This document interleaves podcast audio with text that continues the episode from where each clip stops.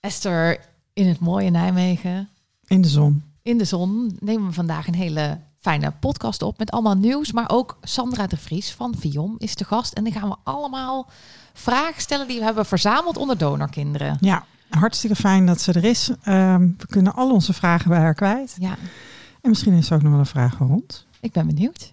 Let's go.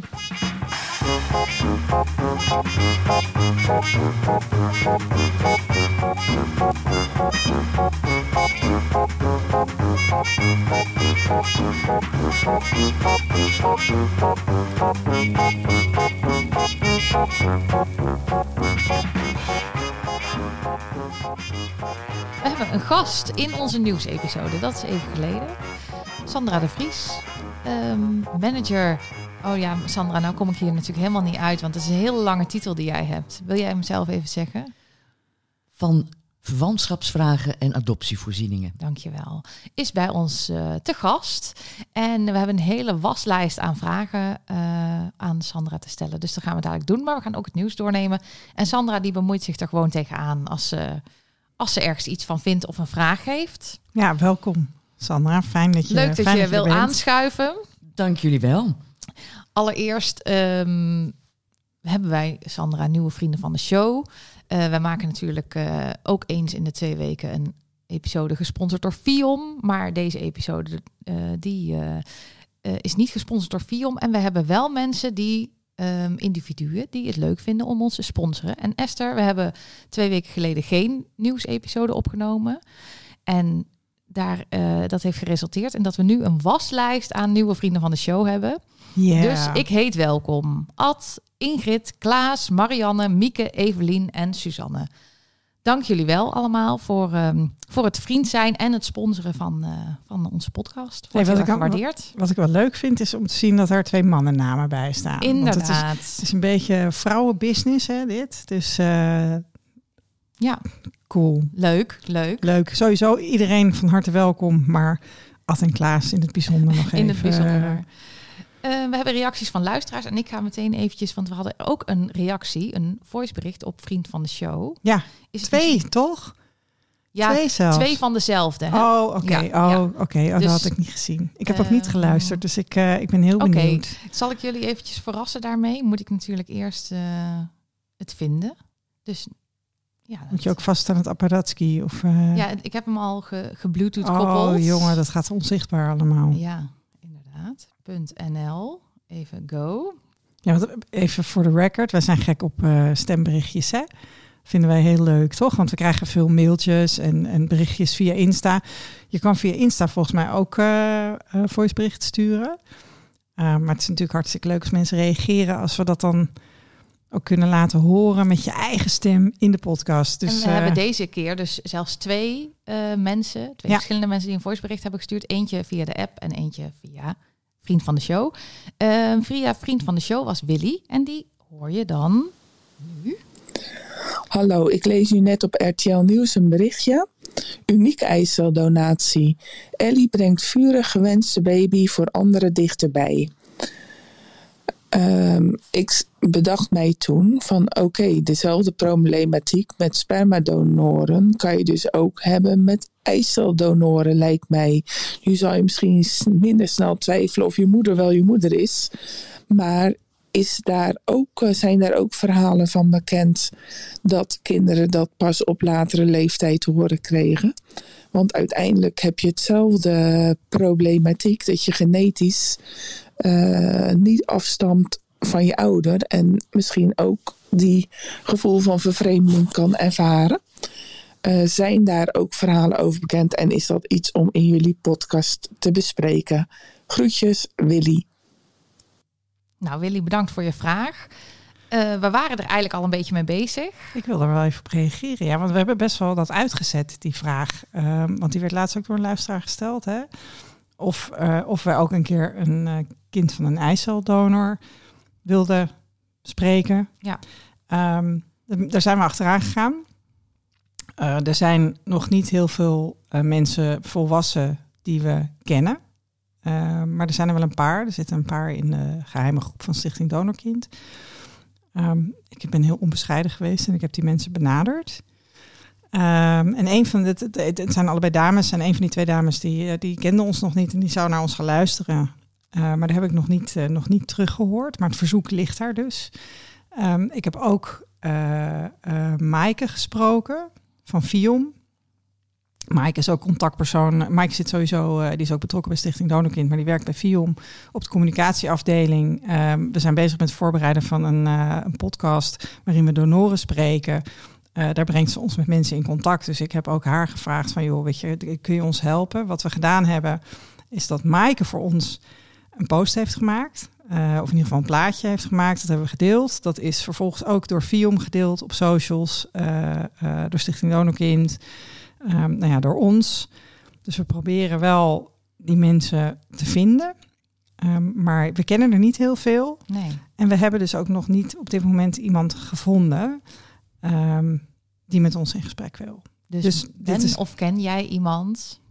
Nu ben ik meteen benieuwd. Sandra, staan er eigenlijk ook eiceldonoren in de Viom DNA databank? Of is Enkele. dat echt enkele? Oké. Ja. Ja. want het systeem werkt natuurlijk hetzelfde. Ja. Oké. Ja, dus eh, we Dus hopen. ze, ja, ze zijn er wel. En dus ook wel kinderen van eiceldonoren waarschijnlijk. En embryodonatie heb je natuurlijk ook. Dus ik heb, ik heb in die oproep maar meteen ook embryodonatie meegenomen. Want ik Ja. dacht, nou, dat is dan de volgende vraag natuurlijk. Ja. Ehm, dus dat, eh, eh, dat loopt. Maar daar hebben we nu, eh, nu nog. eh, Nee, en we Nog hopen inderdaad over. op, eh, op iemand eh, die zich meldt. Want eh, dat lijkt ons ook hartstikke interessant. Ja. Ik, ik heb al vaker gezegd dat ik benieuwd ben hè, of het nog verschil maakt. Of je nou je vader de onbekende factor is of je moeder. Ik kan me voorstellen dat het nog heel anders is eigenlijk. Maar ja, dat weet geen ik dus idee. niet. Nee, Nee. nee. nou wel een goede vraag van Willy. Ja. Dankjewel. Leuk. En leuk zo'n voicebericht, hè? Ja, ja. Gaan, we, gaan we dan meteen door naar de volgende? Of, Volgende eh, voicebericht? Ja? Nee, het lijkt me leuk omdat een beetje iets nou anders ertussen. En dan straks op het laatste. Vind je dat een goed idee? ja, we kregen mail. Ja. Eh, Lieke die eh, mailde de organisatie eh, van een serie podcast, sorry, een serie avonden over de existentiële vraag to rep- reproduce or not to reproduce. Ehm, ik meen dat het in Frascati is. Eh, we, hebben, we, hebben, we hebben daar mail over gekregen. We zijn ook uitgenodigd inmiddels. Ik weet niet of jij dat in onze mail hebt gezien, maar naar aanleiding van de mail van Lieke aan de organisatie oh, Ehm, eh, dat, is, dat, dat is een serie avonden en daarbij wordt dan zeg maar een soort van van alle kanten belicht of je dus of en hoe je kinderen krijgt. Eh, de donorkinderen zelf, zeg maar, of de kinderen zelf hebben niet echt een plek in het programma. En dat vond Lieke dus eigenlijk wel verstandig om de kinderen een plek te geven in dat programma. En wij zijn dan uitgenodigd om wel aanwezig te zijn ja, als gast. als gast. Dus daar moeten we het nog eventjes eh, met elkaar over hebben. Dat is dan de locatie die ons uitnodigt als, eh, als gast. Ja, gaan we over in beraad. Ja, ja. En eh, nou ja, misschien dat, dat, dat we anders ook nog anderen daarvoor, daartoe bereid kunnen vinden om onze belangen als donorkinderen te behartigen. Ehm, ik vind het zelf best wel pittig om in zo'n omgeving waarin mensen dan over eh, je al of niet voortplanten praten. En het is toch wel, als je het programma ziet, wel allemaal redelijk gericht op verschillende manieren waarop je dan een kind kan krijgen. En moet je het dan wel of niet doen? En Oh ja. nou ja, ik, ik vind het best pittig om daar, om daar persoonlijk best pittig om daarbij te zijn. Maar eh, ja, want op zich alleen het gesprek to reproduce or not to reproduce. het is een serie avonden, dus Ja, het is in- intenser dan Ja. alleen die vraag. Want die ja. vraag vind ik best wel makkelijk. Ja, Ja. ik snap het. ja, dus eh, maar sowieso kunnen we dat programma kunnen wij natuurlijk delen in de, in de show notes. En ehm, Kunnen mensen er naartoe? dat sowieso. Ja. Ja, ja.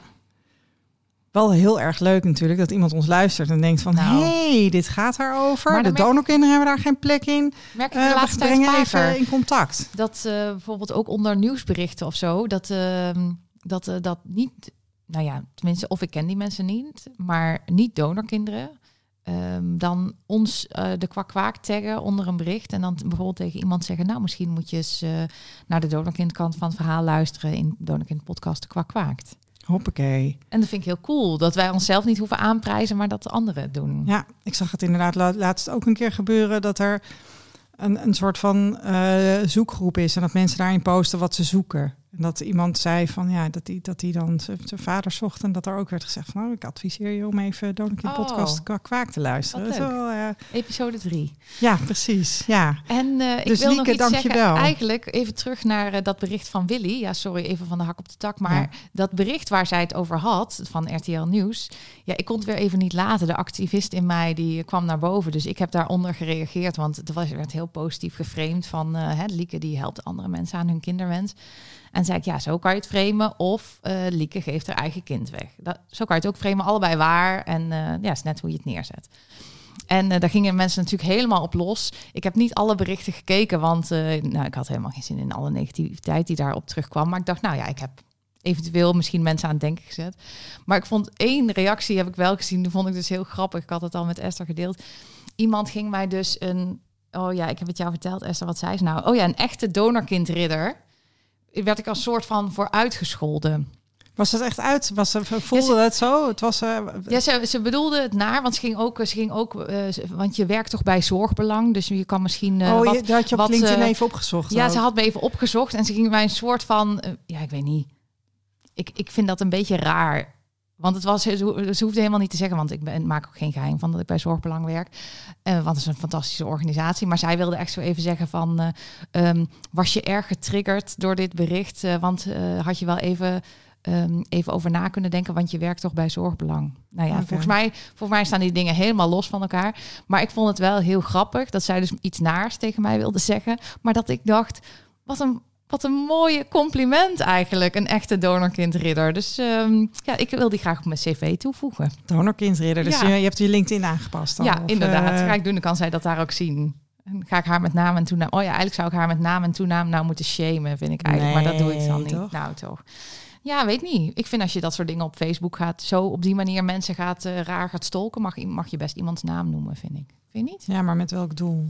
Gelukkig doe je je naam eh, als ridder eer aan. eh. Zo is het. Ik doe het niet, want ik heb ik haar ook. naam ook niet onthouden. Oké, nou, ik was bijna niet van plan mijn naam hier aan te doen, maar dankzij jullie doe ik dat nu wel. Ik heb af en toe een beetje hulp nodig van andere ridders en ridderessen.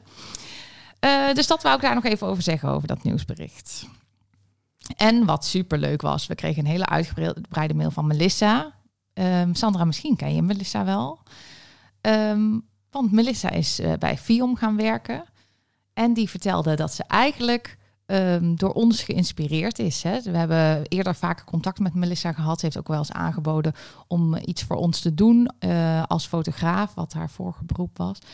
Ehm, Ja, maar, zij is dus geen donorkind, Ze is geen maar ze heeft haar hart donorkind. gevolgd. En, eh, maar ze is op de een of andere manier is ze al heel erg vanaf het begin eh, luisteraar van ons geworden. En, en ehm, voelt zij helemaal mee met, met eh, donorkinderen en ook met geadopteerden. Dus ze heeft op een functie rondom adoptie gesolliciteerd bij FIOM. En ze heeft daar ook de baan gekregen. En ze wilde ons even laten weten dat dat, ja, dat, dat dat een soort van aan ons te danken is. Natuurlijk niet helemaal, want dat is haar eigen pad wat zij volgt. Maar ik vond het toch wel heel leuk dat ze ons dat zo uitgebreid liet weten. Ja, ik heb met Melissa kennis gemaakt. Ik was met collega's eh, aan het lunchen. Zij kwam daarbij zitten. En toen begon ze over de kwak kwaakt. Ja. En toen zei iemand, oh ja, maar daar komt Sandra wel eens in. En toen raakte ze helemaal enthousiast. Oh, jij bent Sandra. Ja, oh, En, fantastisch. en dat op een gegeven moment een collega zei... je kunt straks een handtekening bij haar gaan vragen. Dus we moesten vreselijk lachen. Wat een leuke kennismaking ook. nou, ze gaat je nu ook eh, ongetwijfeld dan weer horen. Ja, Ja, nee, fijn. En gefeliciteerd met je nieuwe baan, Melissa. Ja. Hartstikke leuk om te horen. superleuk. Ja, Maaike, die eh, ook van Fium. Ja. Die, eh, eh, Hele goede reactie. ja, die reageerde op de, dat wij het hadden. Wij hadden het gehad over abortusplegen. En zij zegt van, joh, hey, weet je, dat is qua frame niet in orde. Want abortusplegen klinkt als dat je een moord hebt gepleegd. Ja, En dat is het niet. nee. Ehm, en zo hebben wij het ook niet bedoeld. dus je hebt... Hè, meteen even erbij zeggen. Nee, maar dat, dat, weten de, dat weten de mensen toch wel. Toch even, toch even vertellen. Oké, maar eh, ik heb gevraagd wat moet het dan zijn, Ja, natuurlijk, want ik wil graag een alternatief. En dat is dan eh, dat je abortus gehad hebt. Maar in Oké. ieder geval niet plegen. Dus ook voor onze luisteraars, weet je, dit is toch eh, af en toe dan Ja, wij leren, leren, toch dingen. weer wat. Zeker. Ehm, geen abortus gepleegd, maar abortus gehad. Dankjewel, Maaike. En dan was er nog een bericht van Hetty aan jou. Ja. Dan mag jij vertellen en zal ik het voicebericht van Ludmilla opzoeken. Oh, dat is heel goed. Nee, ehm, ja, weet je, dat, dat, dat, dat ging over. eh het Hetty. En Hetty die stuurde een berichtje en die zegt van joh, ik heb geluisterd en ik hoor jullie zeggen dat er nog geen Belgisch promotieonderzoek is naar donorkinderen. En zij stuurde een link. Eh, die link die moeten we even met Stef delen, denk ik. Ik denk dat dat eh, met onze Vlaamse, Vlaamse held Stef. Ik, ik, heb, ik heb het zelf niet gelezen, want ik ben niet zo heel, goed. ik ben niet zo heel goed in. Deze. Nou ja, nee, niet, niet in het lezen van wetenschappelijke verhandelingen. Dat is echt gewoon, dat is echt niet mijn ding. Maar wel fijn dat eh, het die deelt. Ik vind het heel fijn dat Hetty luistert, dat allereerst. En super tof dat ze dit met ons deelt. En wij geven het even door aan, eh, aan Stef, Ja. aan, eh, aan onze Vlaamse. En dan het bericht van Ludmilla. Ja, dat is een mooi bericht. Hoi, met Ludmila. Ik eh, liep een beetje achter met het luisteren van de kwak en dat ben ik de laatste dagen aan het inhalen. Eh, en ik was het experiment aan het luisteren waarin jullie aan het experimenteren waren met een ander woord voor donorkind, namelijk gedoneerde. Ehm, en dat kwam doordat jullie het over eh, adoptiekinderen hadden gehad in de vorige aflevering. En dat jullie dat eigenlijk een beetje gek vonden, omdat het niet over kinderen ging, maar over volwassen mensen. En dat donorkind dan eigenlijk ook een beetje gek is als je erover nadenkt. Ehm, en dat je het als je het over geadopteerden hebt, dan beter ook over gedoneerden kunt hebben. Ehm, en dat vond ik een hele interessante kwestie en daar wil ik graag even op reageren. Want ik hou me in het dagelijks leven heel erg veel met taal bezig. Ehm, ik studeer Nederlands, ben halverwege mijn master. eh, en ik werk bij het tijdschrift Onze Taal. En ook in mijn vrije tijd doe ik allerlei talige dingen. En wat ik vooral heel erg interessant vind, is inclusieve taal. Dus de laatste jaren is daar veel meer, eh, heel veel discussie over. Ehm, hoe schrijf je inclusief en hoe, eh, eh, ja, hoe includeer je iedereen? Ehm, en eh, wat dan vaak aangeraden wordt als je inclusief taalgebruik wil bezigen, is het zogeheten People First Language. En dat houdt in dat je wanneer je naar mensen of naar groepen mensen verwijst, vooral gemar- gemarginaliseerde groepen, eh, dat je dan benadrukt dat het om mensen gaat. Dus eh, een voorbeeld daarvan is dat we het niet meer over allochtonen hebben, maar over mensen met een migratieachtergrond. Uh, en we hebben het niet over zwarten of witten, maar over zwarte mensen of witte mensen of mensen van kleur. Um, en weer een ander voorbeeld is dat er vaak gekozen wordt voor de term mensen met autisme in plaats van uh, autisten. En het idee daarachter van dat uh, People First Language is dat um, wanneer je het bijvoorbeeld hebt over een autist, dan reduceer je iemand tot één aspect van wie ze zijn, namelijk hun, hun diagnose, hun autisme. Terwijl een mens is natuurlijk veel meer dan, die, dan een diagnose of meer dan een huidskleur, et cetera. En uh, nou, er is dus best wel veel discussie over dit soort taalgebruik. Uh, en de meningen verschillen nogal. Maar wat ik in het kader van uh, de woorden geadopteerde en gedoneerde wel interessant vind, is dat je juist ook dat menselijke wil benadrukken. En het, het, probleem, of nou ja, probleem, maar een mogelijk nadeel van het woord donorkind is dat het de associatie oproept met kinderen en niet met volwassenen. Maar het mogelijke nadeel van een woord als gedoneerde is dat het een beetje dehumaniseert. Dus dat het een beetje een abstract beeld oproept. En niet zozeer, dat je dan niet zozeer een mens voor je ziet. Terwijl je dat nou juist wil benadrukken, dat donorkinderen of gedoneerden, hoe je het ook wil noemen, dat dat mensen zijn net als ieder ander. En dus ook dezelfde rechten en gevoelens bla bla hebben. Maar toevallig op een andere manier verwekt zijn dan de meeste mensen. Dus um, nou ja, met dat in het achterhoofd zou ik zeggen dat gedoneerde dan niet de beste optie is. Um, maar donorkind dus ook niet, want dan denk je aan kinderen. En Stef had het over de Franse leenvertaling personen verwekt met donorgameten. En uh, nou, dat vind ik prachtig. Vooral in het Frans klonk dat nog uh, veel mooier. -hmm. Um, maar het woord gameten moet je uitleggen als je praat met mensen die niet in deze donor scene zitten, zeg maar. Um, dus dan zou ik iets zeggen als mensen die verwekt zijn met behulp van een donor... of mensen die verwekt zijn via donorconceptie of zoiets... Uh, maar dat is ook weer een hele mond vol, dus dat is ook niet optimaal. Maar qua betekenis en qua beeld dat het oproept, zou dat denk ik wel de beste optie zijn. Um, maar ja, goed, de conclusie is dus eigenlijk dat er geen perfecte manier is om uh, naar ons te verwijzen. Dus er zijn voor's en tegens te bedenken bij iedere optie. Um, ja, ik wou dat ik wat daadkrachtiger kon eindigen. Um, maar dat, dat lukt me niet. Maar goed, dit zijn mijn two cents. Doe ermee wat je wil. Um, en nu ik het toch over donorconceptie en woorden en taal en zo heb, wil ik ook nog even zeggen dat ik jullie podcast zo waardevol vind, omdat het mij woorden geeft om aan anderen uit te leggen wat ik vind van bepaalde dingen en hoe ik me voel over bepaalde dingen die met uh, donorconceptie te maken hebben.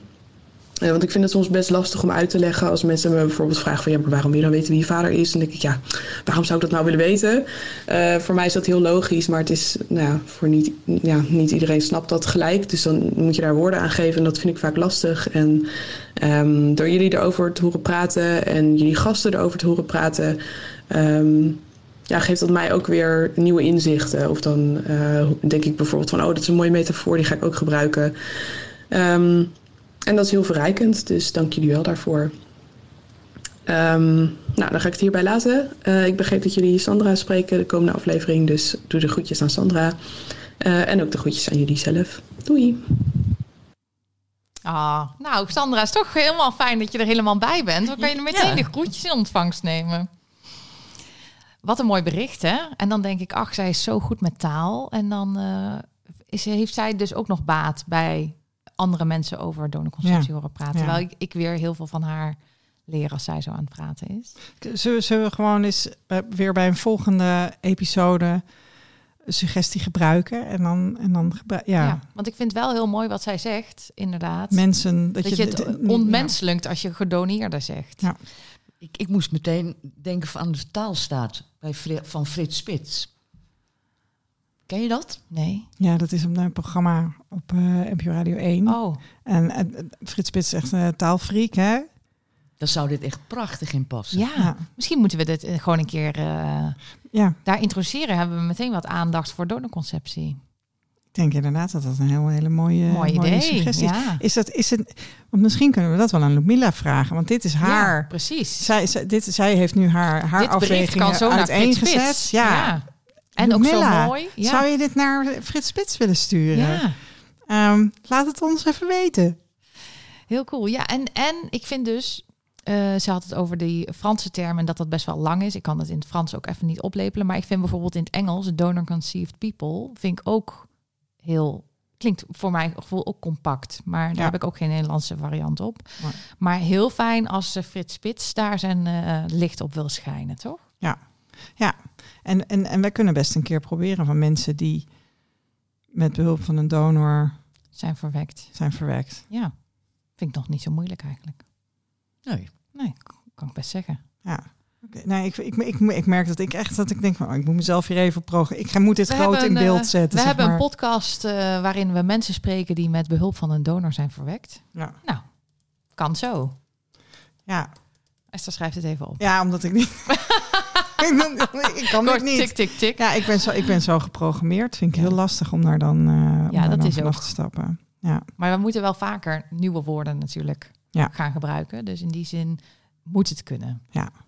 Nee, dat is zo. Nou, sowieso aan al onze luisteraars die gereageerd hebben, hartstikke bedankt voor, eh, voor de reacties. Ja, superleuk. Goede suggesties, Sandra, voor eh, de taalstaat. Ludmilla, er staat je, er staat je wat te Je doen. hebt een taakje. Ja, Ehm, laten, we, laten we doorgaan naar eh, de vragen die we voor Sandra verzameld hebben. En we- er ontstond het een en ander eerder in de podcast. Ehm, Sandra zet de bril erbij op. ja, heel goed, heel goed. Ehm, we hebben eh, ook, jij hebt op een gegeven moment even in de geheime groep van Stichting Donorkind in een, in een conversatie verteld van, joh, we krijgen Sandra op bezoek. Dus mocht je sowieso, hè, mocht je, Ja. mocht je nog wat willen weten. Dat dan, kwam eigenlijk eh, naar aanleiding van een vraag die daar gesteld werd over iets wat er over de, gebeurde. ja, over, eigenlijk over de eerste vraag over, over dat matchen van siblings. Ja. Ehm, dus de, de- nou, daar, gaan we, daar gaan we het zo over hebben. En we hebben, we hebben nog wat meer vragen verzameld. Die we graag met, Ja. eh, met, met Sandra bespreken. Omdat je soms merkt dat er onduidelijkheid is. Dat, dat, dat we elkaar allemaal niet helemaal precies begrijpen. Eh, de grap is dat iemand, stel iemand in de geheime groep van Stichting Donorkind, die zegt van. Ik wil graag op zoek naar, eh, of nee, ja, ik wil graag op zoek naar broers en zussen. Klopt het dat ik dan My Heritage moet doen? En dan krijg je dus reacties van, nee hoor, ik heb namelijk gewoon mijn zus gevonden bij Fium. Dus Ja, dat ja, hoeft helemaal ja. niet, weet je wel. Dus je, je, je krijgt van die gemengde signalen, terwijl je eigenlijk hoopt, ja, dat iemand, iemand moet ook My Heritage doen om broers en Ja, te vinden. Dus Precies. nou, hoe het precies zit, daar gaan we het over hebben. Eh, meteen maar met die eh, vraag beginnen, hè, Ja. van de, de- over de onduidelijkheid van het matchen van, eh, van siblings. Van siblings. Ja, want het kwam eigenlijk ook naar aanleiding van, zal ik even de aanleiding vertellen? Dat ik een donorkind sprak die vertelde dat ze ehm, bericht had van Fion eh, bericht van Fielm had gekregen dat haar zus haar volle zus is. En ik dacht, uh, maar Fielm die kan toch uh, geen broers en zussen aan elkaar matchen. En het was ook niet zo dat de donorvader erin stond en een moeder stond ook niet in de DNA-databank. Dus toen was ik alweer in de war. Um, en er was ook jaren geleden eigenlijk al de afspraak gemaakt dat Fium dat soort dingen niet meer zou doen. Want op een gegeven moment zijn er, dat is, dat is een jaar of zes geleden, was er zo'n achterstand ontstaan in de KID-DNA-databank, omdat er heel veel van dit soort vragen lagen. Dat wij ook in de veronderstelling waren eigenlijk, Sandra, dat dit soort vragen dus ook niet meer beantwoord werden, zeg maar, door, ja. uh, door CWZ. Uh, want dat is ook wel even goed nog om te melden. Hè? FIOM uh, kun jij dat onderscheid uitleggen tussen, tussen FIOM en CWZ? Want, want wij we hebben het altijd over FIOM en de FIOM KID DNA databank. Maar hoe, hoe zit dat nou precies? Bij het CWZ wordt echt de techniek uitgevoerd. Dus wordt DNA-match gedaan. Um, en dat gaat onder een code. Dus het CWZ krijgt ook niet de persoonsidentificerende gegevens van, uh, van degene die zich inschrijft. En um, ja, als er een match is, dan koppelen zij de code aan FIOM terug. En die kan dat dan aan een uh, naam matchen. En dan wordt contact opgenomen. En wij verzorgen dan de begeleiding. Ja, oké, okay, hartstikke mooi. Hey, en hoe, hoe kan het nou dat... Hoe kan dat, het nou dat, met die siblings? Ja, hoe, hoe zit dat dat die, dat die meiden dus aan elkaar gematcht werden? Ja, nou je zei net al heel juist, Esther, van dat uh, wij alleen maar donoren en donorkinderen aan elkaar matchen. En dat we niet actief op zoek gaan uh, tussen, uh, of naar matches tussen siblings. Maar het komt wel eens voor dat er spontaan wel een match naar boven komt. En dan vinden wij het niet passend en niet ethisch om daar uh, mensen niet van op de hoogte te brengen. Nee, dat snap ik. Ja. Ik zou dat zelf ook fijn vinden als jullie een match uh, met mij vonden, dat, uh, dat, dat mij dat verteld werd. En, en we hebben inderdaad ook geen um, virtuele donorprofielen maken we meer. Alleen in hele bijzondere gevallen, als er bijvoorbeeld sprake is van een uh, genetische, genetisch defect of er sprake is van een misstand. Ja.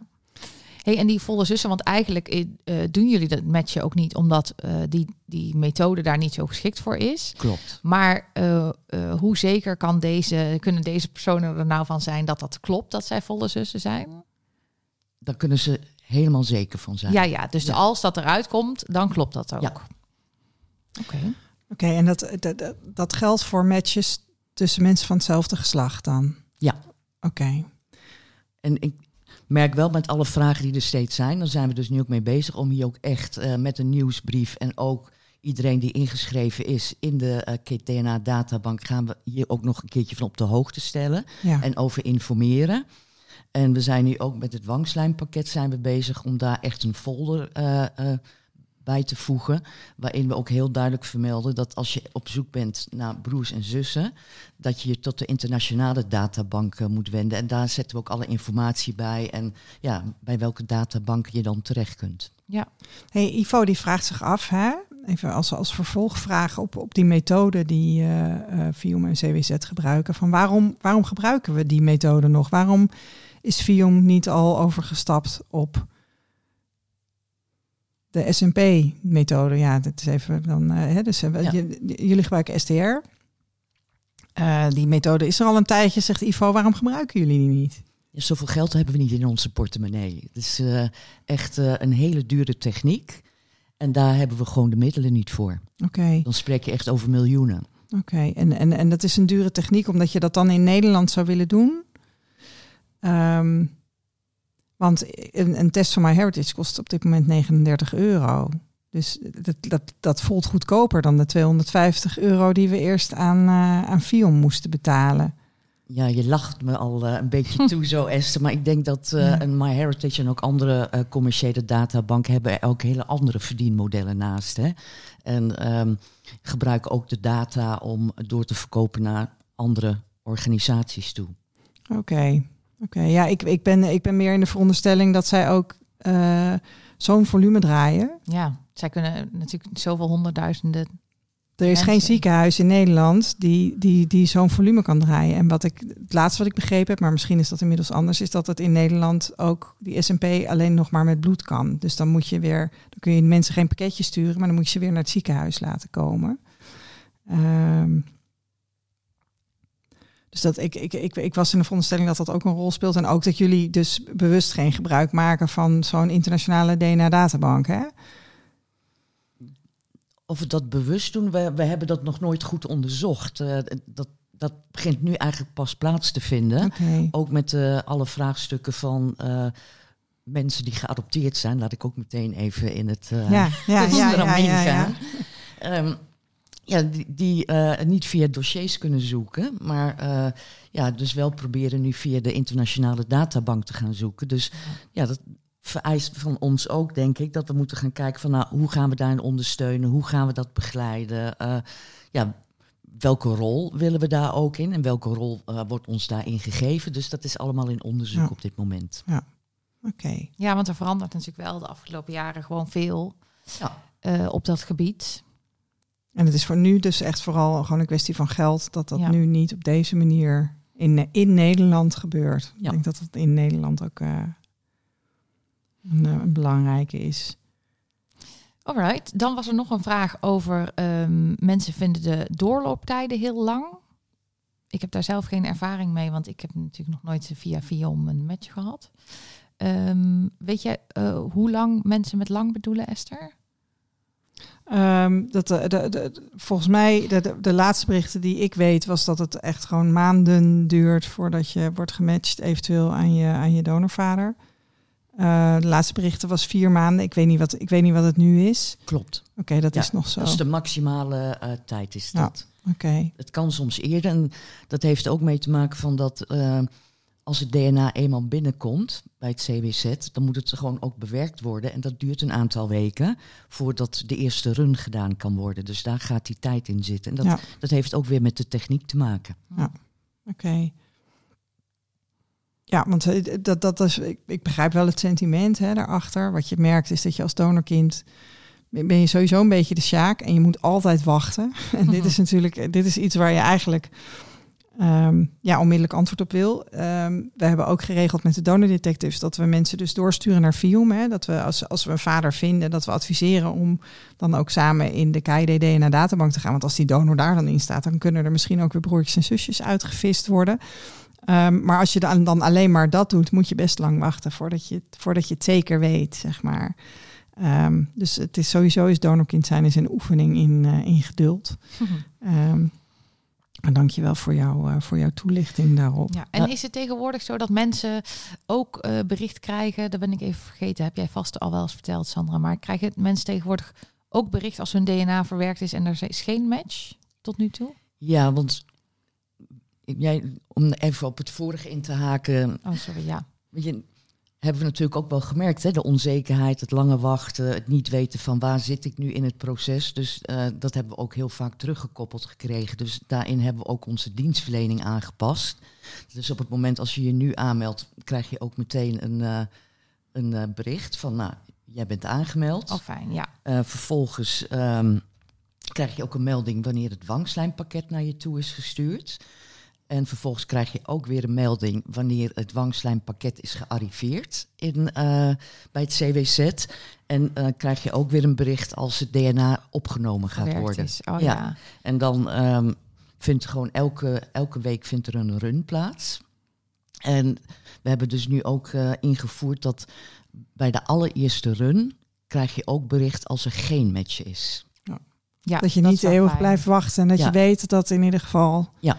Op dat moment er geen... eh, Maar elke week een run. Dus dat betekent dat er ook elke week nieuwe aanmeldingen zijn, denk ik. Ja. Dat is best wel... eh, dan, dat, dat klinkt in mijn oren als best wel veel dan. We hebben het ook heel druk. Ja? En maakt dat er ook nog uit met de wachttijd? Nee, nee. Wat, ehm, wat we wel zien is dat natuurlijk dat sommige groepen steeds groter worden. En dat daarmee ook het, eh, ja, de begeleiding intensiever wordt. Omdat je Mhm. gewoon met veel meer eh, siblings te maken hebt. Ja, want daar, ik weet niet, dat stond misschien niet op het lijstje, maar daar hoorden wij ook wel over, hè, dat het voor sommige mensen dan ingewikkeld is als er al een grote groep is. Hoe is dan de communicatie? eh, hoe, hoe gaat dat dan, die communicatie naar de groep? Want ik, wij begrepen toen van Maaike dat, er, dat zij bijvoorbeeld eerst een soort contactpersoon was van haar groep. Maar dat op een gegeven moment door Fion is besloten, ehm, als ik het goed zeg, hè, van dat ze ehm, dat toch zelf willen doen. Maar ja, als je dan een groep hebt van eh 87 mensen, moet je dan 87 mensen gaan inlichten. Nou, er gebeurt veel via de mail. Oké. En ik denk die contactpersonen zijn er niet meer. En dat is gewoon ook wel een goede reden voor. Omdat je ook hele scheve verhoudingen Ja. soms kreeg binnen groepen. En ik vind gewoon dat wij daar als FIOM verantwoordelijkheid in hebben. En dat moeten we niet bij één iemand van de groep eh, eh, gaan neerleggen. Dat, Nee, dat- ik snap dat ja, ook hoor. ja. Ik, ik snap ook dat het soms dan ingewikkeld, dat donorkinderen het ingewikkeld vinden, omdat ze denken, ja, dat kunnen wij toch makkelijk zelf. Of, hè? Maar, maar inderdaad, de verhoudingen worden wel een beetje scheef natuurlijk. Als één iemand als eerste alle informatie krijgt en dat kan doorspelen of niet aan andere mensen. Maar dat is wel, betekent wel heel veel werk voor Vion, denk ik. Die grote groepen. ja, Ja, ingewikkeld. Hadden ze toch die donoren niet zo vaak moeten gebruiken. Dat was voor Vion eigenlijk handiger geweest, denk ik. Ja, niet alleen voor veel. Nee. Nee, inderdaad. nee. Sorry, dat was even tussendoor.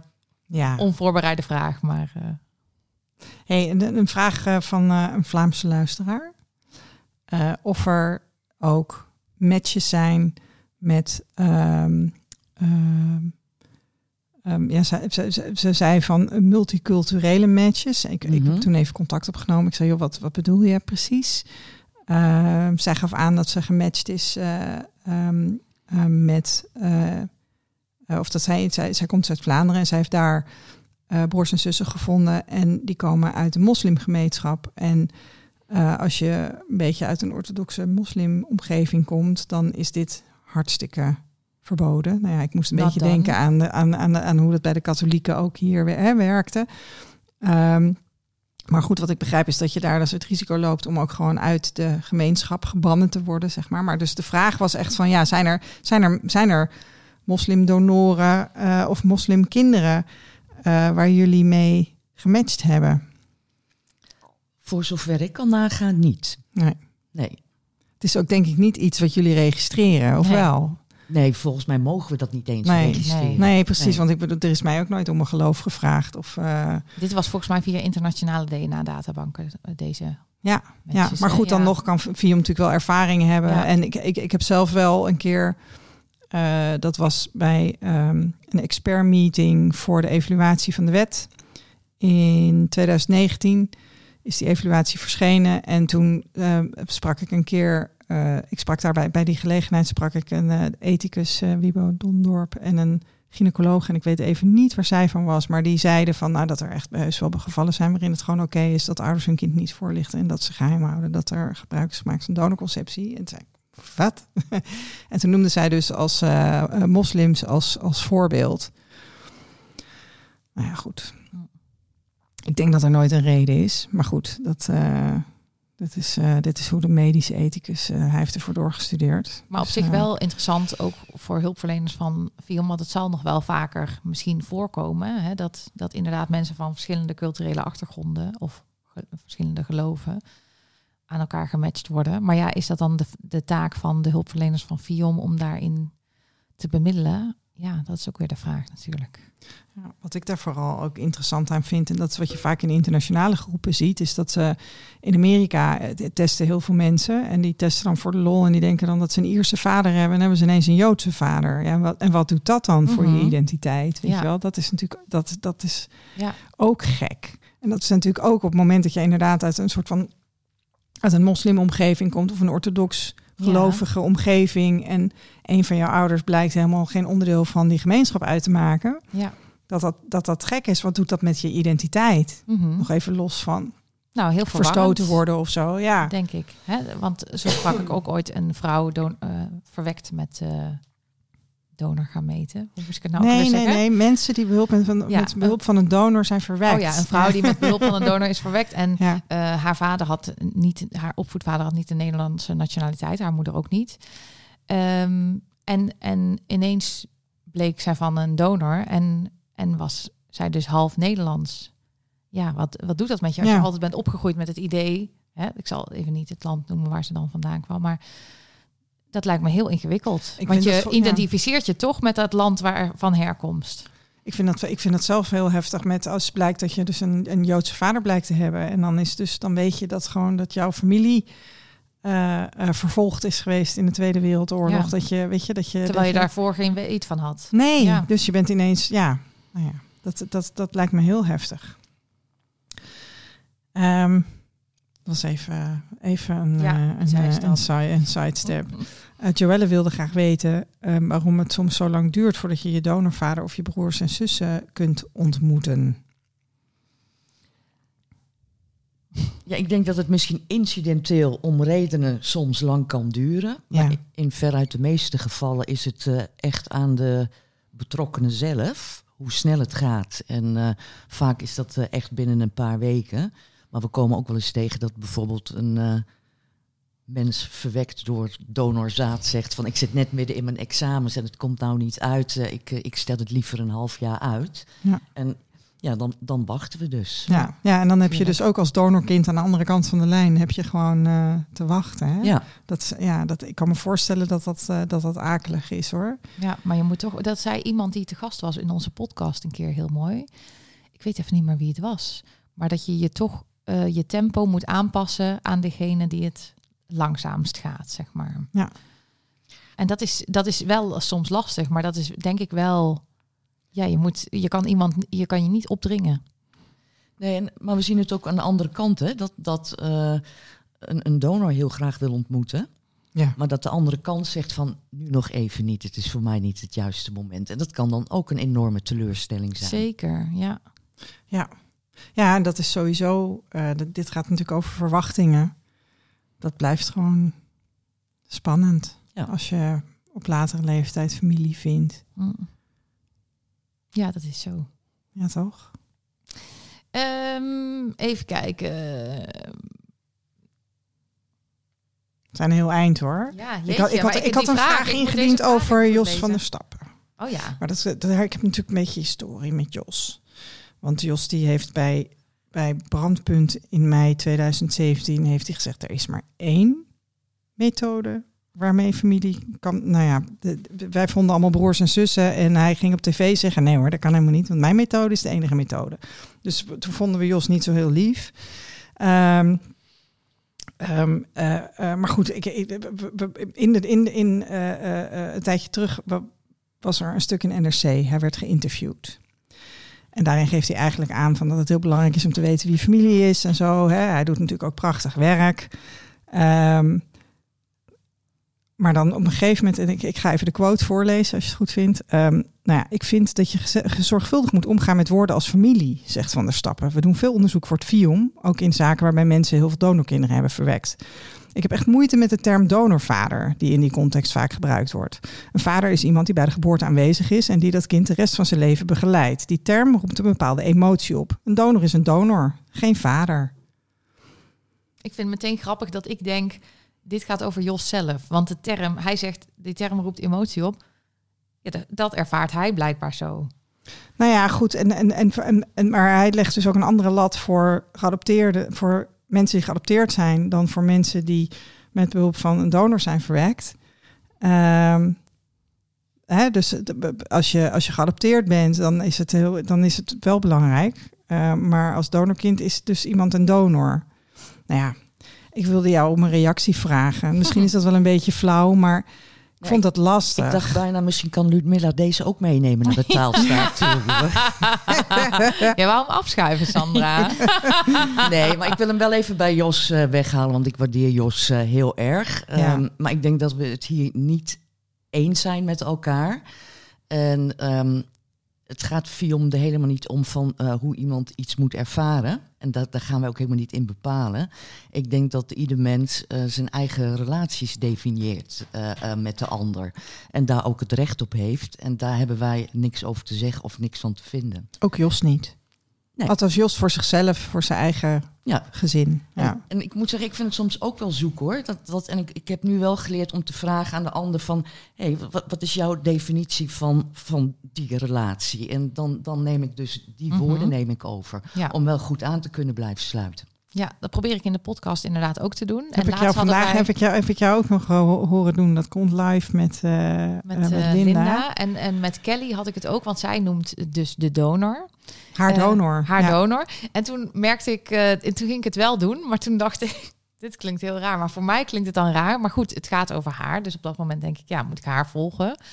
Ehm, maar, want, want eh, ehm, een donorkind deelde laatst ook nog iets van een gesprek eh, van eh Fion met uh, hulpverlener. een, een, een, persoon die met behulp van een donor is verwekt? Ja, iemand die met eh, behulp van een donor is verwekt. Ehm, en dan schreef de hulpverlener van Fion ook jullie donor, geloof ik. En, en ehm, dan, ja, als, als mensen de donor gebruiken, maar dan vind ik toch, ja, dan vind ik dat toch een beetje moeilijk dat Fion daar voor mijn gevoel in blijft hangen. Terwijl aan de andere kant spreek ik dus donorkinderen ook in de podcast die zelf praten over hun donor.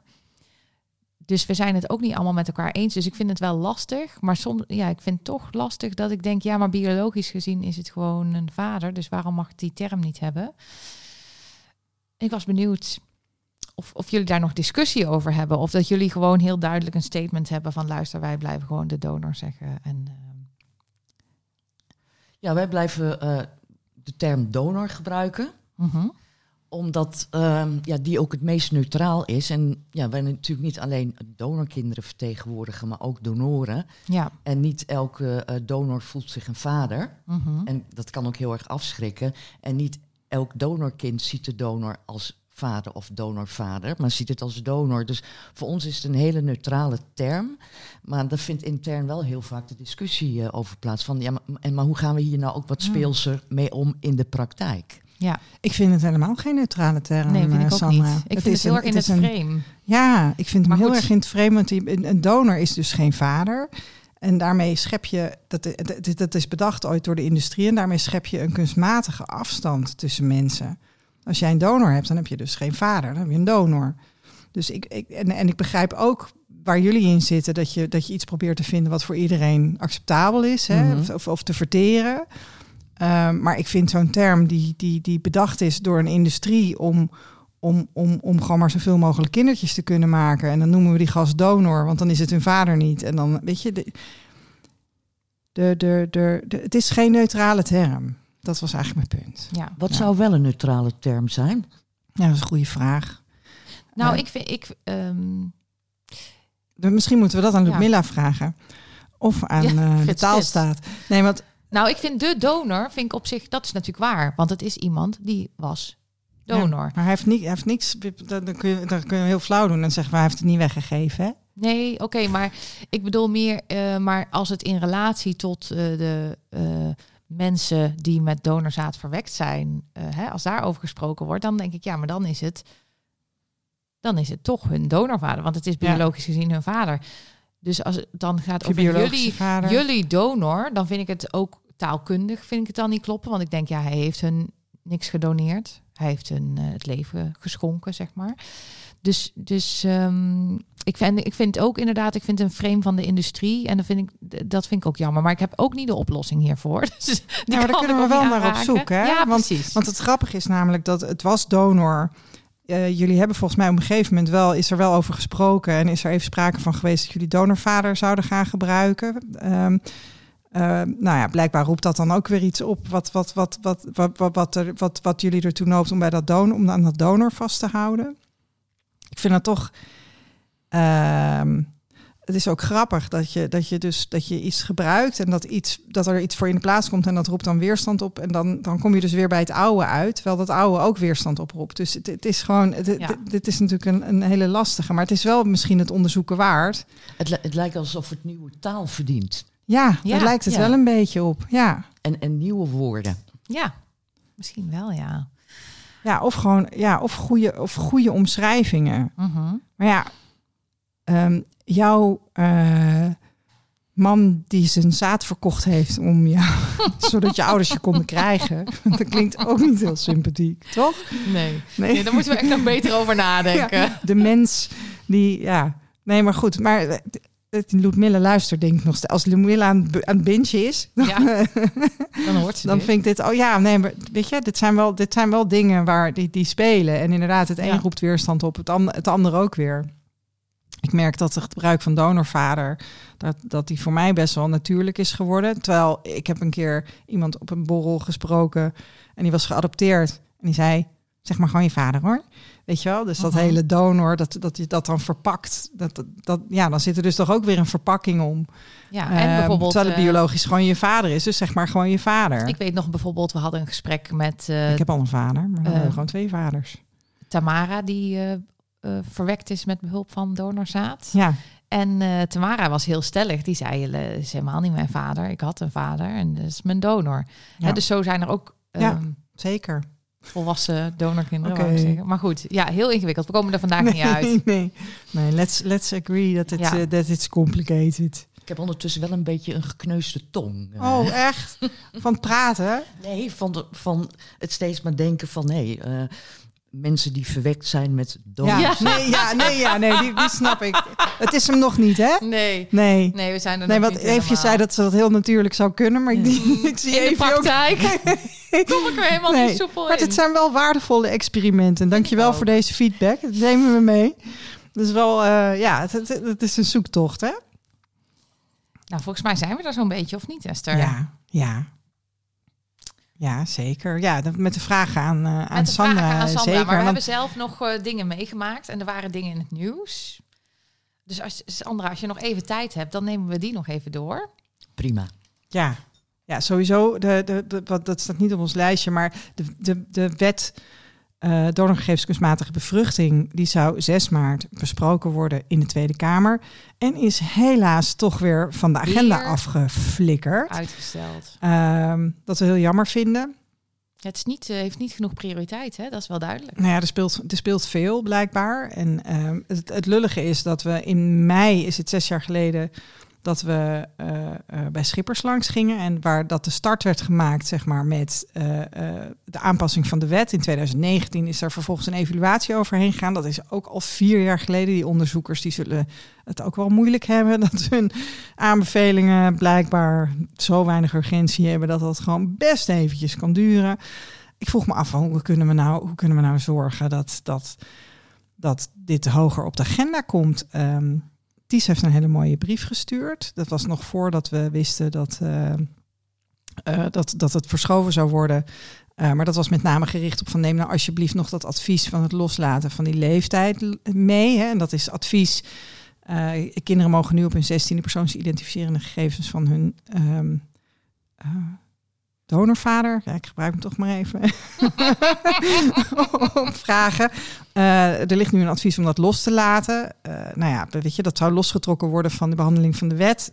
Eh Ties heeft echt een prachtige brief gestuurd aan de leden van de Vaste Kamercommissie in de Tweede Kamer, de Vaste Kamercommissie voor VWS, om te betogen om dat alsjeblieft niet los te trekken, maar neem dat nou meteen mee in die wet. De infrastructuur ligt er om dat te regelen. Ja. Dus doe dat nou gewoon. Maar ja, dan gaat die 6 maart weer niet door. Wat kunnen we daar nou aan doen? ja. Dat vind, ja, Help. heel lastig, ja. Heb jij een idee, Sandra? Nee, ik weet eerlijk gezegd ook niet waarom het niet doorgaat. Nee.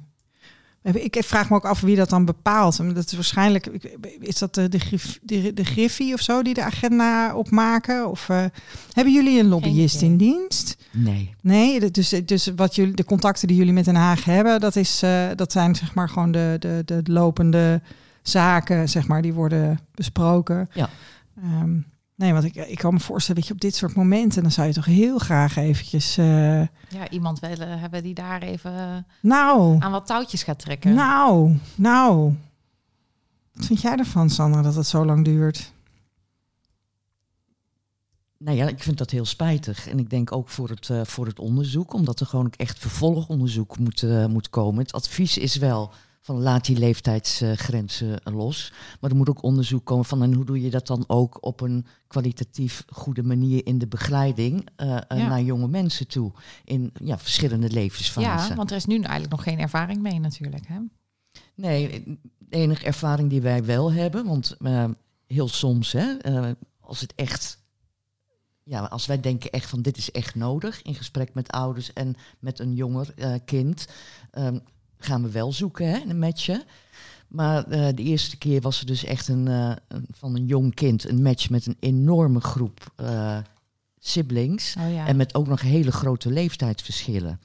Dus en ja, hoe ga je daar als heel jong kind mee om met dat concept, terwijl je op zoek was naar je vader? Ja, En die is niet gevonden. nee. Dus dat, eh, oh, dus het is, ik denk we kunnen wel heel makkelijk zeggen, we moeten die leeftijdsgrenzen eh, loslaten. En een kind eh, eh, eh, kan dat zelf beslissen. Ik denk ook dat dat zo is. En als die de behoefte er is, moet je dat ook zeker doen. Ja. Maar je moet dat wel inbedden in een, in een begeleiding met ouders, eh, eventueel professionals. En ook weten van, hey, wa- wat kan een kind ook te wachten staan en hoe bereid je een kind daarop voor? ja, want het is best wel ingewikkeld hè, met Ja. zoveel Ja, broers en zussen. En inderdaad heb je hele oudere, veel, veel, veel oudere broers en zussen. Ja, dat, dat heeft dat kind misschien helemaal niet bedacht. Nee, en toch is het jammer dat het zo ingewikkeld is. Ja, Want voor mij hoeft het helemaal niet zo ingewikkeld gemaakt te worden. En dat er vervolgonderzoek wordt voorgesteld, dat vind ik persoonlijk al lastig. Want dat zorgt er alweer voor dat het, dan gaan er ook weer jaren overheen. Weet je wel, terwijl je wil gewoon voorkomen. Als je nou gewoon van jongs af aan gewoon weet wie het is. ja, Die zat een leuk voorstel daarvoor bij jullie seminar, eh, eh, Sandra. En die zei van, joh, als we dan een donor gevonden hebben. Oh hé, dit is de kliniek. Ehm, we hebben een donor voor jullie gevonden. Dit is hem. Gaan jullie even koffie drinken met elkaar? Dan eh, zien we jullie zo. Weet je, en dat je dan samen een kind krijgt. Dat zou, nou ja, dan weet je het. hè. als die kliniek een plek moet hebben, dan is dat, ja, nou ja, dan weet je het inderdaad. En dan, Ja. dan heeft iemand een plek en dan weet je ook of die ouders bereid zijn om die donor een plek te geven in het leven. Want dat is wel gewoon een voorwaarde eigenlijk voor, denk ik, succesvolle donorconceptie. Maar Ja. goed, het is, ja, het is dus ingewikkeld. Oké, oké. Dan doen we het daar nog even mee. Ja. Ehm, weten jullie nog, heel lang geleden was er iemand die mijn advies had gevraagd. Want eh, die heeft kinderen verwekt via ICSI. En die had zoiets van, ja, maar wat nou als mijn kinderen per ongeluk niet mijn biologische kinderen zijn? Ehm, dus had ik natuurlijk geadviseerd van, nou, eh, koop even vier MyHeritage testjes. En de kinderen een testje en eh, zij en de man een testje. En dan ben je er heel snel uit dat advies, eh, ik, ik ging toen nog hier heel trots vertellen van, oh kijk, we worden ook om advies gevraagd. En toen heeft die persoon dat advies niet opgevolgd. En die heeft via de apotheek een STR-test besteld, zoals ehm, eh, de databank van de Fiom ook test. Ehm, en die kreeg toen drie eh, buisjes om in te spugen.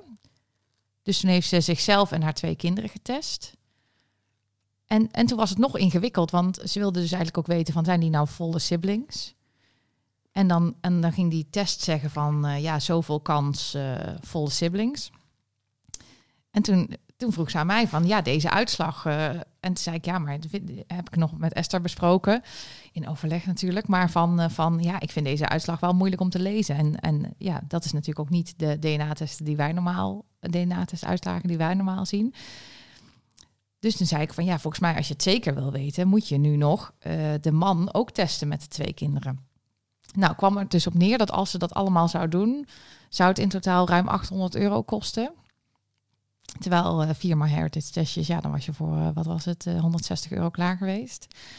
Eh, maar ja, die, dat wilden ze niet. Dan mag iemand natuurlijk ook zelf kiezen. Maar nou gingen ze dus toch niet meer die, die tweede testronde doen. Want nou ja, werd het allemaal heel ingewikkeld wat die apotheek allemaal had ge- geadviseerd. Maar toen vond ik het ook een beetje kwalijk. Werd ik toch een beetje boos van dat ik dacht, ja, die apotheek die adviseert haar eigenlijk een test. Want zij vroeg om een sibling test. En dan geven ze haar eigenlijk die STR-test. En dan denk ik, ja, Daar is hij dus niet voor geschikt. die is daar Nee. niet voor geschikt. Maar ze verkopen hem wel aan haar voor heel veel geld. Ja. Terwijl die daar niet voor geschikt is. Ik daar moet ze dan toch maar even zelf op reclameren hoor, Eefje. Wat zeg je? daar moet ze dan toch even zelf op reclameren. Dat lost ze me niet op. Nee, dat lossen we niet Gaan op. Nee, niet maar ik wou meer zeggen dat, Ja. dat, dat ik dat dus kwalijk vind dat iets verkocht wordt. Terwijl ja, iemand voelt een soort nood hè, van oeh. Want het is best wel eh, precair natuurlijk als je denkt van hé, hey, dat zou wel eens mis kunnen gegaan kunnen zijn. En dan vind ik toch dat mensen goed voorgelicht moeten worden. Maar dat gebeurt dan dus niet. Nee. Maar je moet ook gewoon mijn, mijn advies opvolgen. Dan was er allemaal niks aan de hand geweest natuurlijk. Wou ik ook even gezegd hebben. Esther, je was geïnterviewd voor twee verschillende podcasts. Ja, dat klopt. Eh, eentje was dan van Ludmilla, Mhm. maar dat was voor haar, eh, voor haar studie. Was mooi. Ehm, ja, jij hebt hem mogen luisteren. Hè? Verder niemand, hè? Het ging, nee, nou ja, mij en Ludmilla. Ehm, en dat ging over eh, ehm, het moment dat ik hoorde, zeg maar, dat eh, mijn vader mijn vader niet was. En wat dat dan verder betekent. Eh, vijf minuutjes. Dus Ludmilla die heeft van 40 minuten materiaal vijf minuutjes teruggesneden, wat echt heel knap is. Heel knap. En ehm, ja, en ik was in, de, in, de, in een podcast eh Moms Live. We waren met Stichting Donorkind benaderd door Tamara Elbas. Met 60.000 volgers op Insta. En eh, die wilde graag een, eh, een donorkind in, in haar podcast Moms Live. En die podcast die komt nu zo'n beetje live. Oh. En, maar dat is wel heel grappig, want dat zijn dus echt allemaal dames met net zulke mooie wenkbrauwen als jij, Sandra. Maar niet alleen wenkbrauwen, maar gewoon helemaal gestyled. En Die zaten niet, niet in en- een eh, sweater. Nee, niet... eh, nee, nee. Zoals wij alle drie Ja. trouwens. Twee hoodies en een sweater hier aan tafel. Ja, nee, ik had mijn houthakkershemd had ik aan. En, eh, ehm, ehm, maar het was, het, was, het was wel bijzonder, want ik zat daar met iemand die... eh, eh, de zus van Tamara, die was ook te gast en die deed familieopstellingen. En het ging erover wat het effect is van een familiegeheim. Eh, dus wij hebben allebei wel verteld dat het niet handig is ehm, om familiegeheimen te hebben. En als hij eh, live staat, dan geef ik nog even een seintje. Dan kunnen jullie niet meer luisteren. Ik kan vast een linkje delen misschien in de show notes. Ja, hij was, hij was nog niet live, dus hij was er nog niet. Nee. Ze hebben in één keer al, al maar die vrijdag podcasts- misschien wel. Ja, dat zou zomaar kunnen. Ja. We houden het in de gaten. Alright. Ja, ja. Hey, en ik heb, ik heb nog, ik, ja, ik had een ideetje. Misschien Zoals- kan iemand daarbij vaak, helpen. Esther loopt over van de ideetjes. Nou, ik zag weer dat de huishoudbeurs was. En dan is vaak ook de negen maanden beurs. En ik dacht, wij moeten gewoon op die huishoudbeurs staan. Dus ik ben even gaan kijken, want wat kost dat? Het begint bij 495 euro, maar dan heb je nog geen meters en geen stand. En, eh, en toen dacht ik, oh, dit, gaan, dit moeten we eigenlijk gewoon crowdfunden. Dat we volgend jaar En wat gaan we daar dan doen?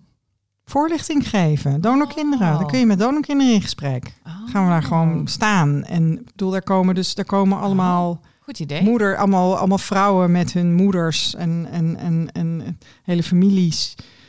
Ehm, en als de negen maandenbeurs er is, dan, dan, dan loopt er misschien ook nog iemand bij die zwanger is van een donor. Maar nee, dan ehm, gewoon het gesprek aangaan. Omdat ik denk van ja, weet je, de podcast is één manier. Ja. Maar ik denk dat een persoonlijk gesprek Zeker. eh, ook heel ja, ik dacht krachtig even, en mensen waardevol komen is. daar vooral voor gratis tupperware en zo. ja, tuurlijk. Ja, Dus, ja. eh, nou, dan, heb, dan heeft het Met van die trekkarretjes. ja, precies. klopt. Maar dan, hebben, dan doen ze ook nog iets nuttigs. Ja, nee, heel goed steken ze ook nog wat op.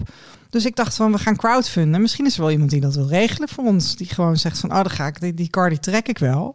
Ehm, ik zet een crowdfunding live van Die donorkind, huishoudkar. eh, donorkind of de kwak kwaakt op de, op de huishoudbeurs. Dus ehm, Nou, prachtig. we horen graag van jullie.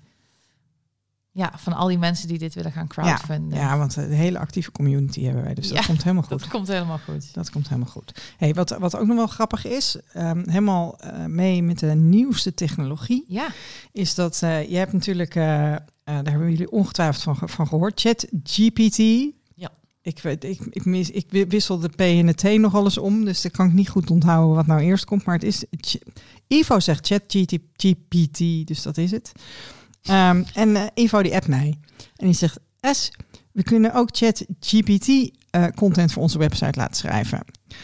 De vraag was, waarom is het voor een kind belangrijk om te weten wie zijn of haar biologische ouders zijn? En daar kwam gewoon echt serieus gewoon een goed stuk uit. Echt? serieus. Wow. Dat is echt fantastisch. Nou, het is voor een kind belangrijk om te weten wie zijn of haar biologische ouders zijn. Om verschillende redenen. Zoals, ik lees een klein stukje voor. Identiteitsvorming. Het kennen van de biologische ouders is een belangrijk onderdeel van de identiteitsvorming van een kind. Het kan helpen om vragen te beantwoorden over waar het kind vandaan komt, wat de familiegeschiedenis is en welke kenmerken, eigenschappen en talenten het kind kan erven van zijn of haar biologische ouders. Nou, dan wordt er verder nog genoemd medische geschiedenis, ook met een toelichting, erfelijkheid, emotionele stabiliteit. Dacht ik, oh, emotionele, sta- nou dat herken ik helemaal nee, niet. nee, nee. Eh, dat is voor andere donorkinderen denk ik nodig, maar voor ons niet natuurlijk. En familierelaties. Ehm, en dan als conclusie van in het algemeen kan het kennen van de biologische ouders belangrijk zijn voor identiteitsvorming, medische geschiedenis, erfelijkheid, emotionele stabiliteit en familierelaties van een kind. Het kan ook helpen bij het begrijpen van de persoonlijke geschiedenis van het kind en het bevorderen van een gezonde ontwikkeling en welzijn. Nou, ik had het zelf niet beter kunnen vertellen eigenlijk. Dus eh, Het is echt een heel stuk. Het is fantastisch. Dus eh, Ivo, dankjewel. ja, jeetje. Ehm, Eh, de- of de chat GTP, Ja, ja, dankjewel. Het is qua artificial intelligence. De artificial intelligence lijkt ons gunstig gezind. We hebben nog niet, we hebben nog niet ingetikt van Ik wil graag een kind van een Deense donor. Is dat een goed idee? precies. Ja, waarom zou ik een kind krijgen van een. Deense donor? Ja. ja. Oké. Nee, dus uh, nou ja. Sandra, had jij eigenlijk nog dingen die jij wilde inbrengen vandaag? Want we hebben jou het hemd van het lijf gevraagd natuurlijk. Zijn er ontwikkelingen of dingen dat je denkt van... Uh, daar, moeten, daar moeten we het nog even over hebben? Nee, ja, ik zat nog over die huishoudbeurs na te denken. Ja. dat is eigenlijk een heel goed idee. Ja, we kunnen, we kunnen daar ook samen in optrekken, hè? Ja. Ja. Ja, ja we kunnen best een standje met Fion delen, toch? Nou ja, als we maar gewoon, uh, als we maar gewoon uh, duidelijk zijn. nee, maar goed, als het gaat over... We, kunnen kijken of we daar live kunnen podcasten. Of inderdaad gewoon... Uh, ja, ik denk dat het heel goed is om voorlichtingsmateriaal uit te delen. Ja. Ik hoop niet dat we nu... Dat alle klinieken luisteren en denken... Ah, wat een goed idee. We gaan een huishoudbeurs. Ik denk dat de klinieken niet luisteren. Heel goed. ik denk misschien wel één ding. We willen weer een publiciteitscampagne gaan doen rondom donorconceptie. En hebben jullie ideeën wat een goed thema zou zijn? Uh, voor een campagne. Ik heb jullie nog nooit zo stil gehoord. Nou ja, Nou, ik, denk, dat, ik- ik, ik denk, denk- een stuk ja. bewustwording. ehm, ehm, Je wou ons stil krijgen, gewoon stiekem. eh, ik denk eh, een stuk bewustwording van ehm, ehm, hoe het is om eh, op latere leeftijd familie te vinden of zo. Dat, ik, vind dat wel, ik vind dat wel echt een centraal ding, wat ook wat dan voor zowel kinderen van anonieme donoren als Ja, ehm donorkinderen van nu, zeg maar, speelt. Ja, en dat je het gewoon, wat ik bedoel, er moet eigenlijk een campagne zijn gericht op ouders die gewoon zeggen van je moet gewoon dat gesprek aan. Toch? Dat, dat is, ja. maar dat zouden we dan kunnen combineren. Ja, ik weet niet. Het combineren van boodschappen is, is vaak niet heel verstandig in een campagne. Helemaal niet als je geen miljoenen hebt. nou, daarom was ik ook een beetje stil, want ik vind het altijd lastig. Ik weet ook, jij zei laatst dat je bij Max en dan ging het eh, vooral over, eh, snap ik ook, hè, dat je één boodschap hebt. Je Heel kernboodschap, ja. Ja, precies. En dan ging het over vertel het je kind. Ja. Ehm, maar ik zit zelf nog vaak in de stand van. ehm, ik vind dat er veel aandacht moet zijn voor wat nou eigenlijk de nadelen zijn. Bijvoorbeeld ook als mensen doen, maar alsof het heel normaal is dat je ergens een, van een Deense donorzaad gaat bestellen. Ehm, maar ik zie daar eh, heel veel kwalijke kanten aan. En het lijkt wel alsof ja, die, die bij mensen heel onbekend zijn of zo. Dus ik, ik vind, ik zit meer op de kant van eh, doe maar niet. maar goed, dat is niet Ja, maar de vraag is, waard. nee, ik denk dat dat, Nee. ik denk dat daar lobby naar de klinieken voor nodig is en ook naar de overheid. Dat er gewoon, dat daar, dat daar, dat daar op een of andere manier toch afspraken over gemaakt worden. Want als jij in het belang van donorkinderen wil handelen, dan moet je gewoon lokale donoren gebruiken. Ja. Dus ik kan me voorstellen, ik weet niet of dat een Dat campagne of een campagne daar. Nee, maar de vraag is dus Ja. of een campagne daar. Want Nee, maar dat vind ik dan lastig als het dan gaat over. Stel dat de campagne gaat over eh, vertel het je kind. Dan denk ik alleen maar. Oh, mensen denken dus. Ze horen dan van. Oh, het is hartstikke goed idee als je het maar vertelt. En eh, dat vind ik dan weer lastig. Ja. Dus maar misschien. Ik ben ook niet. eh, denk ik gemaakt om reclamecampagnes te bedenken. Dus ik, ik, ik weet het ook niet zo goed. Maar dat vind ik soms dan lastig als ik dan een deel hoor. En ik snap wel dat je niet Ja. mensen kan overladen met. Boodschappen, er zitten zoveel kanten aan. Nou, maar wat, wat misschien wel een leuk idee is, is om een soort van je te verplaatsen. Want dat is waar het uiteindelijk om draait. Dat je je verplaatst in je kind. In een kind wat je, als je het nog moet krijgen, dan ken je het nog niet. Maar in ieder geval, je moet je, moet je verplaatsen in het kind. En, en, en, en verplaats je nou eens in dat kind. ja. En dan kun je eigenlijk alles aan de kaak stellen. Wat er nu Oh, niet, goed, wat er niet goed gaat. Ja. ja. Verplaats je in dat kind. En daar verdieping op eh, hoe, het, hoe het is inderdaad van, van, om, om, om, om ehm, een, een, een, eh, van- de- of geen bemoeienis van je vader of niet weten wie je, wie je vader is of je moeder. Ehm, Of, eh, heel veel broers en zussen hebben rond. heel veel broers en zussen hebben die je, niet, die je niet kent en waarvan je ook niet weet of je ze ooit allemaal gaat ontmoeten.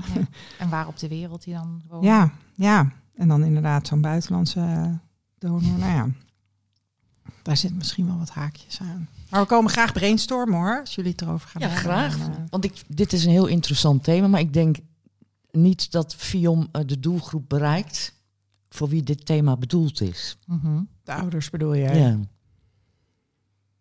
Maar goed, in ieder geval een haakje om eh, Ja. het verder met elkaar over te hebben. Nee, vraag is inderdaad van, weet je, wat zijn, wat zijn de doelstellingen? Ja, En met wie wil je praten? Wie wil je dan, bereiken, ja.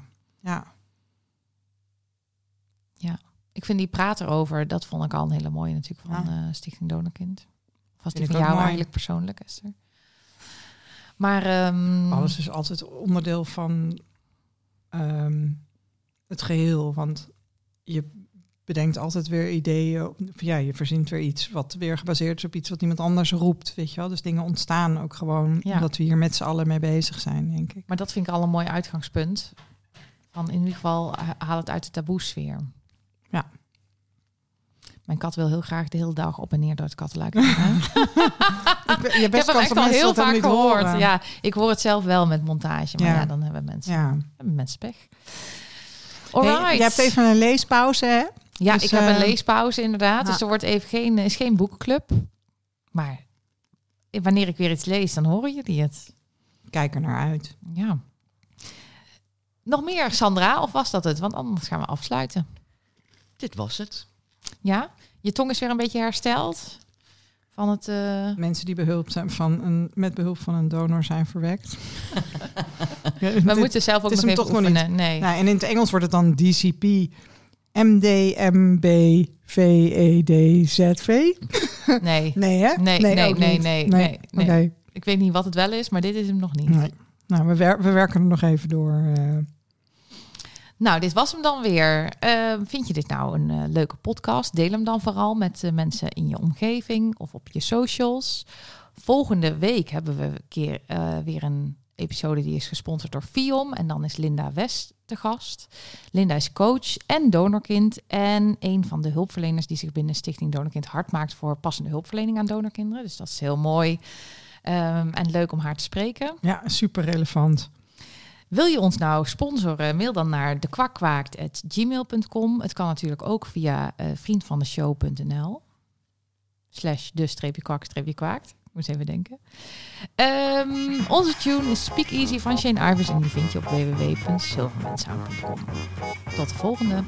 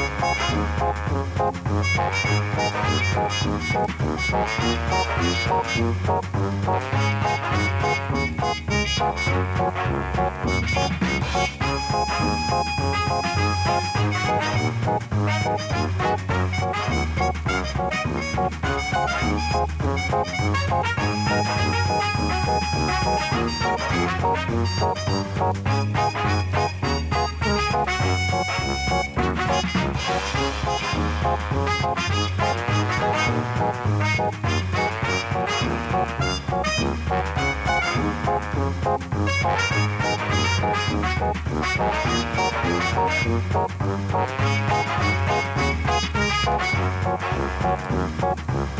you.